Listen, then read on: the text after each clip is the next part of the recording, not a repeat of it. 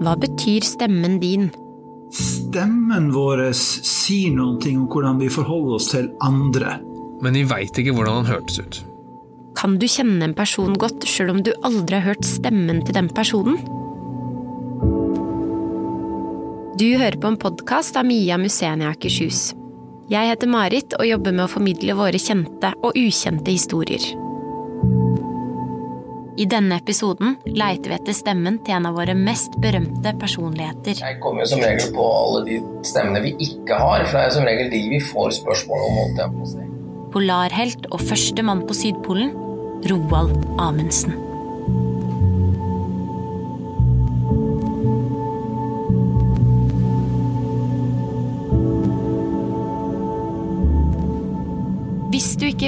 Hvem Roald Amundsen er, så er det altså en av tidenes Største største, polfarere. polfarere. En megakjendis, kjent for sine ekspedisjoner i isen. En fyr som eh, ofte tenkte stort, men som ikke var så veldig god med økonomien. Han eh, hadde både venner og uvenner, og han var ikke minst en veldig privat fyr. Noe som i dag gjør at han er ekstremt spennende å forske på.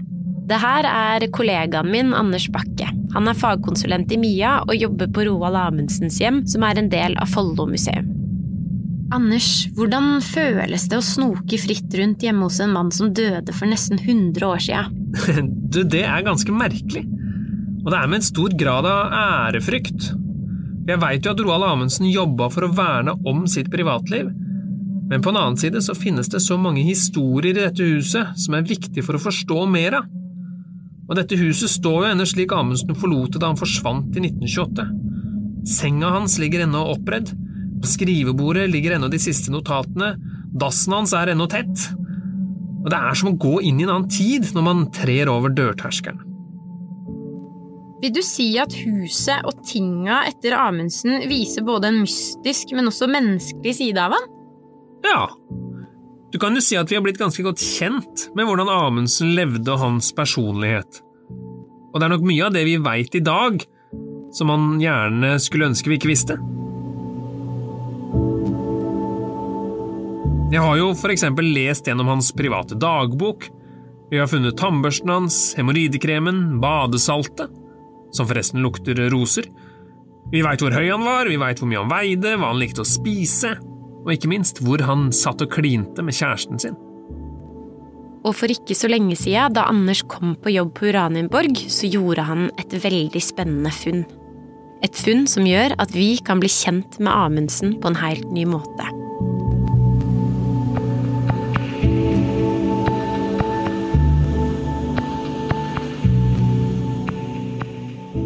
I og med at det ikke er noen som bor i huset, så passer vi nøye på hvordan tingene her inne har det til enhver tid. Og selv om huset har vært et museum i mange år, gjøres det ennå nye oppdagelser. I sofaen mellom putene så fant vi nylig en liten boks med tørrmelk. Og i kakkelovnen i stua så har vi funnet avisutklipp om Amundsen som ennå ikke er oppbrent. Og inne på det knøttlille soverommet i andre etasje, i nattbordskuffen til Amundsen, så har vi funnet to små beholdere. De var laga av papp og på størrelse med en vanlig skismøring. Og da vi åpna dem, så så vi noe vi hadde lett etter i flere år. For inni lå det noen lydruller. Kanskje hadde vi funnet stemmen til Roald Amundsen.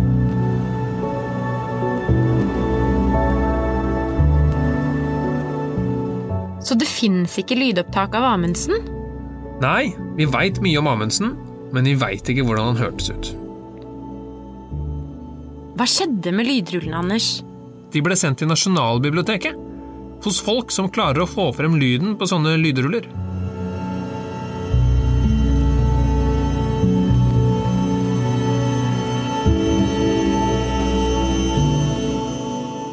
Hvorfor er egentlig dette med stemmen så viktig? Vil det endre oppfattelsen vi har av Amundsen hvis vi finner stemmen hans? På gamle fotografier så syns jeg Amundsen fremstår som en myndig mann. Han smiler sjelden og ser ganske alvorlig ut. Så hva hvis det viser seg at stemmen på lydrullene ikke matcher det bildet jeg har av han? stemmen vår sier noen ting om hvordan vi forholder oss til andre. Den sier noen ting om hva slags roller vi inntar, og hvordan vi løser rollene våre. Dette er Espen Ytreberg. Han er professor i medievitenskap ved Universitetet i Oslo. Og Rollene våre er jo ikke vi sjøl som har bestemt. De, de er på mange måter gitt av oss. Amundsen hadde forskjellige roller, noen ganger som foredragsholder, utforsker eller vitenskapsmann. Stemmen vår sier noen ting også om hvordan vi løser sånne forskjellige oppgaver, fordi vi snakker forskjellig i forskjellige sammenhenger.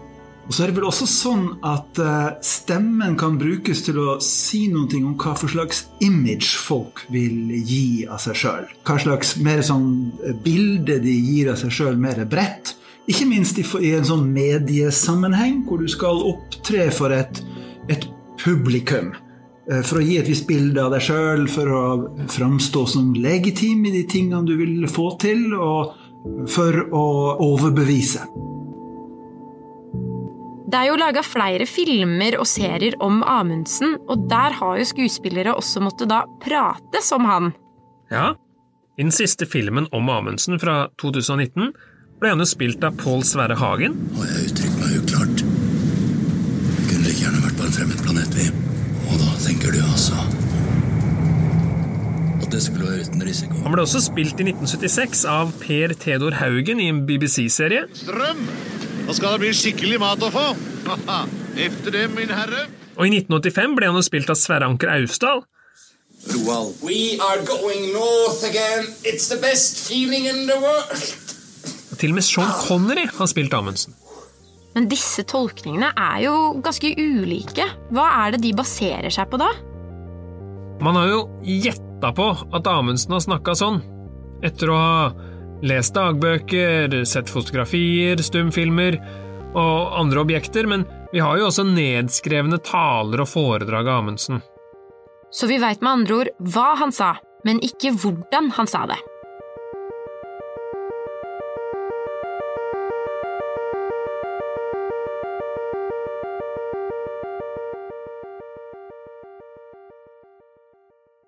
Når det sorgtunge tanker søker ham, vår store, ensomme landsmann der nord i isen, der hans sterke ånd fant vingefang over viddene. Da kommer noen linjer av Nordenlandets dikter Service meg i hu.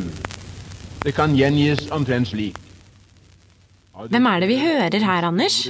Dette er stemmen til en annen norsk helt fra samme tid som Amundsen. Fridtjof Nansen. Her holder Nansen en minnetale om Amundsen, som forsvant under en redningsaksjon i 1928. Men det her er jo akkurat sånn jeg tenker at berømte menn på tidlig 1900-tall snakka. Ja, enig. Og jakten på Amundsens stemme har jeg funnet flere opptak av polarhelter fra samme tid. Hør her. Her er Amundsens gode venn, amerikaneren Frederick Cook, som hevder å ha nådd Nordpolen i 1908.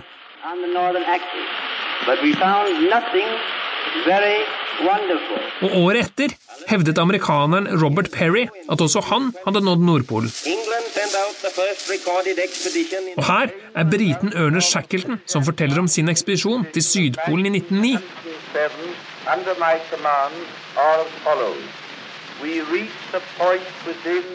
Det som slår meg også, er jo at alle disse berømte mennene høres ganske like ut. Med stive, høytidelige stemmer med samme endimensjonale melodi. De tilpassa seg noen ganske sånn strenge krav til hva det var å være autoritativ i mer sånn offisielle sammenhenger og overfor større publikum. Da snakker man gjerne på denne her, eh, det som i dag blir oppfatta som en, en, kanskje litt sånn stiv eh, og formell og høytidelig måte. Men som på den tida rett og slett eh, var bare et mer allment akseptert ideal for hva som passa seg i offentlige sammenhenger. Lydrullene vil kanskje vise at Amundsen også prata på denne måten. I jakten på Amundsens stemme så har vi gått gjennom radioarkivet som i dag ligger hos Nasjonalbiblioteket. Her finnes flere opptak av personer fra Amundsens liv. Det er både mannskap, familie, venner, blant annet nevøen Gustav, som prata om sin onkel i 1961. Han øh, røkte sin pipe etter frokost, så var det to timers treningstur i marken om formiddagen. En pipe ettermiddag. Og rent familiært så er dette det nærmeste vi har kommet Roald Amundsens stemme i disse arkivene. Eh, Ja, nei, jeg kan jo bekrefte at vi, så fremt vi vet i dag, så har vi ikke lydopptak av Amundsen eller Amundsens stemme, da, fortrinnsvis, i, i våre arkiver her. Stemmen du hører her, tilhører Richard Jems. Han er seksjonsleder for musikk på Nasjonalbiblioteket.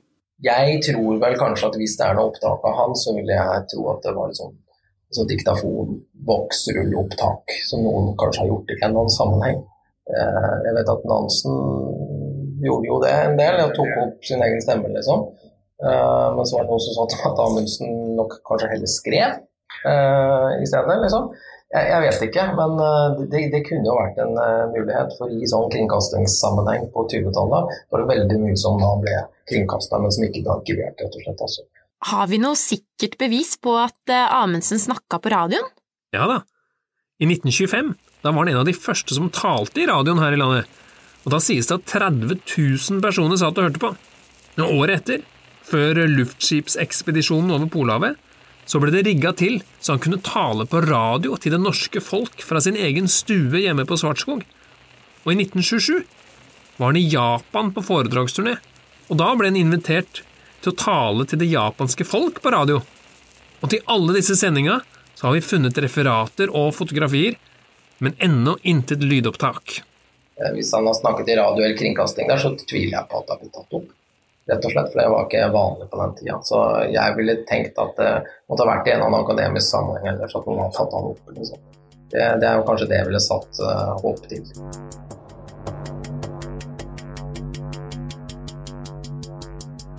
Det Richard sier her, betyr at vi antageligvis ikke vil finne opptak av Amundsen i offisiell sammenheng. Hvis han kjenner noen som er veldig opptatt av det, så kunne jo hende at hvis Amundsen var på besøk, at han tenkte hei, nå skal du se her har vi en morsom apparat, kan du si noe i denne? Det kunne vært noe sånt også.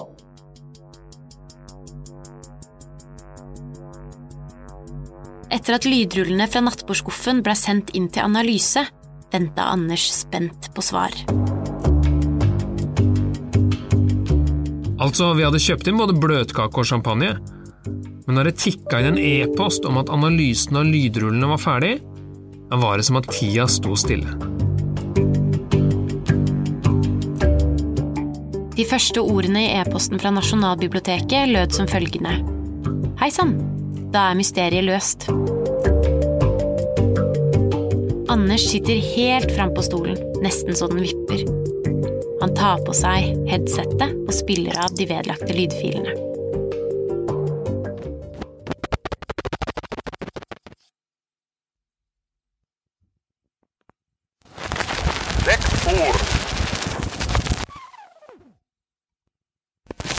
Drei ord dreitig.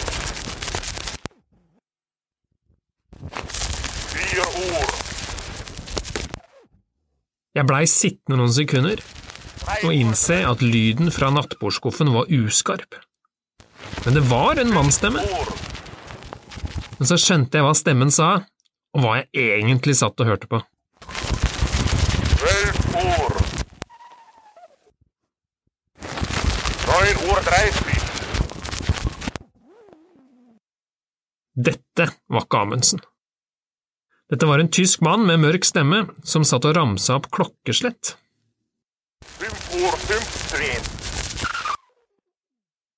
Så det vi hører her, er vekkerklokka til Roald Amundsen? Det gir jo kanskje mening med at lydrullene lå i nattbordskuffen, eller? Ja, jeg veit ikke om det er vekkerklokka, men vi undersøkte og fant da at disse hørte til klokka som står på skrivebordet hans. Og den klokka er jo egentlig ganske kul, for den er en av verdens eldste snakkende klokker. Eh, og jeg skjønner jo at noen har tatt ut lydrullene, for denne klokka den annonserte tida hvert eneste kvarter.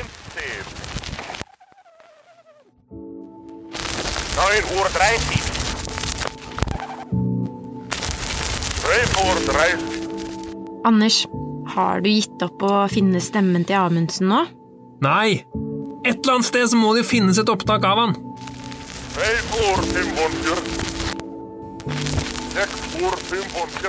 Kanskje fins det et opptak av Amundsen hos noen der ute? Gjemt på et kaldt, mørkt loft, i en glemt bod, eller i noen andres nattbordskuff?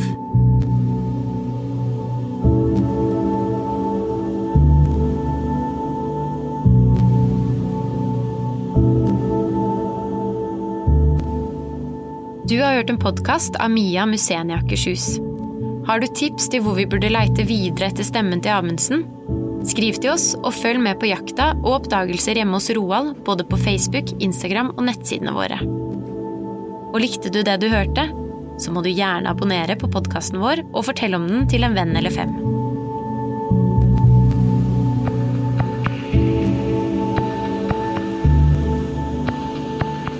I denne episoden har du hørt musikk fra LJ Cruiser og BioUnit.